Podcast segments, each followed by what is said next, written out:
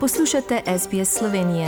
Prisluhnite še drugim zanimivim zgodbam na sbsp.com.au pošiljka Slovenije.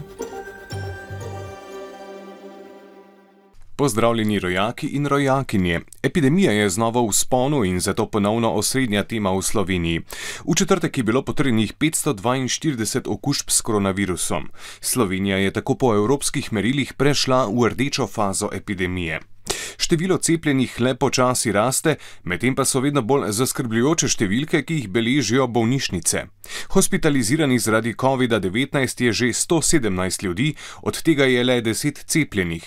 Se pa slovenske bolnišnice pred razmahom četrtega vala soočajo še s pomankanjem kadra, predvsem medicinskih sester in medicinskih tehnikov. Stanje je zaskrbljujoče tudi na jesenicah. Je kadrovska stiska že odprej tako velika, da bi uh, za, glede na odprte razpise, ki jih imamo za določen čas oziroma nedoločen čas, potrebovali 57 zaposlenih, od tega 41 diplomiranih medicinskih sester in pa 16 tehnikov zdravstvene nege. Šole so tik pred začetkom šolskega leta dobile navodila za izvedbo pouka. Ta se bo začel po modelu B, kar pomeni, da bodo vsi dijaki in učenci pri pouku, zaposleni pa se bodo morali držati pogoja preboleli, cepljeni ali testirani. Ravnatelji so zadovoljni, ker so dobili tudi navodila, kako ukrepati proti zaposlenim, ki pogojev ne bodo upoštevali. V tem trenutku menim, da je pa zadnja okrožnica le naredila ta plus, ki je jasno povedala, da je seveda to zakonsko določeno, da ko si ti zaposlen v javnem vrtcu, v javni šoli, da je to zate obveza. Vlada je določila obveznost tedenskega testiranja tudi za študente, ki niso cepljeni oziroma niso preboleli COVID-a. Stroške testiranja bo kriv državni proračun.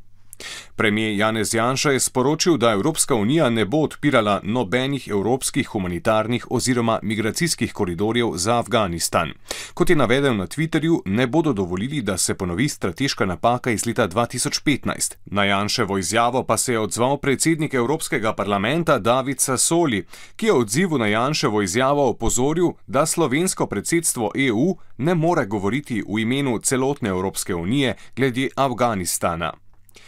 Turizem je za Slovenijo pomembna gospodarska panoga. Kljub okužbam pa je poletna turistična sezona po prvih ocenah v praktično celotni Sloveniji boljša od lanske, a je število turistov v večini destinacij še pod tistim iz poletja 2019. V drugem delu sezone so na dopustovanje slovencev pozitivno vplivali novi boni, vračajo se tudi tuji gosti, v skladu s pričakovanji zlasti tisti z avtomobili in iz bližnjih držav. Turisti pa radi zavijajo v prelepe slovenske gore, a te so letos terjale že precej velik davek. Do danes je bilo v gorah že 18 smrtnih žrtev, kar je v primerjavi z lanskim letom veliko. Samo 21. augusta so se na območju Triglava zgodile tri nesreče, od tega ena tragična.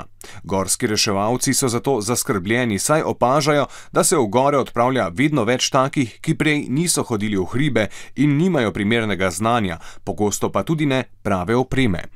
Dnevi se krajšajo, razmere so sorazmerno lahko zelo hitro, popolnoma spremenjene.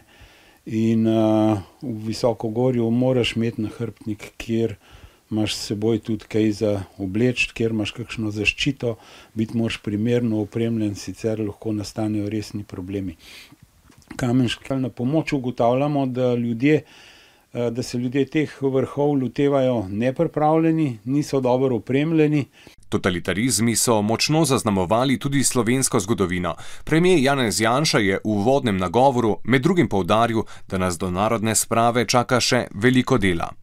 Danes, ko se pač spominjamo žrtev totalitarnih režimov na evropskih tleh, ne, ne gledamo samo nazaj, ampak gledamo tudi naprej. Ker če se iz zgodovine nismo sposobni nič naučiti, bomo obsojeni na ponavljanje. Zamejski pisatelj, človek, ki je osebno doživel grozote totalitarizma v 20. stoletja, Boris Pahor, je praznoval 108. rojstni dan.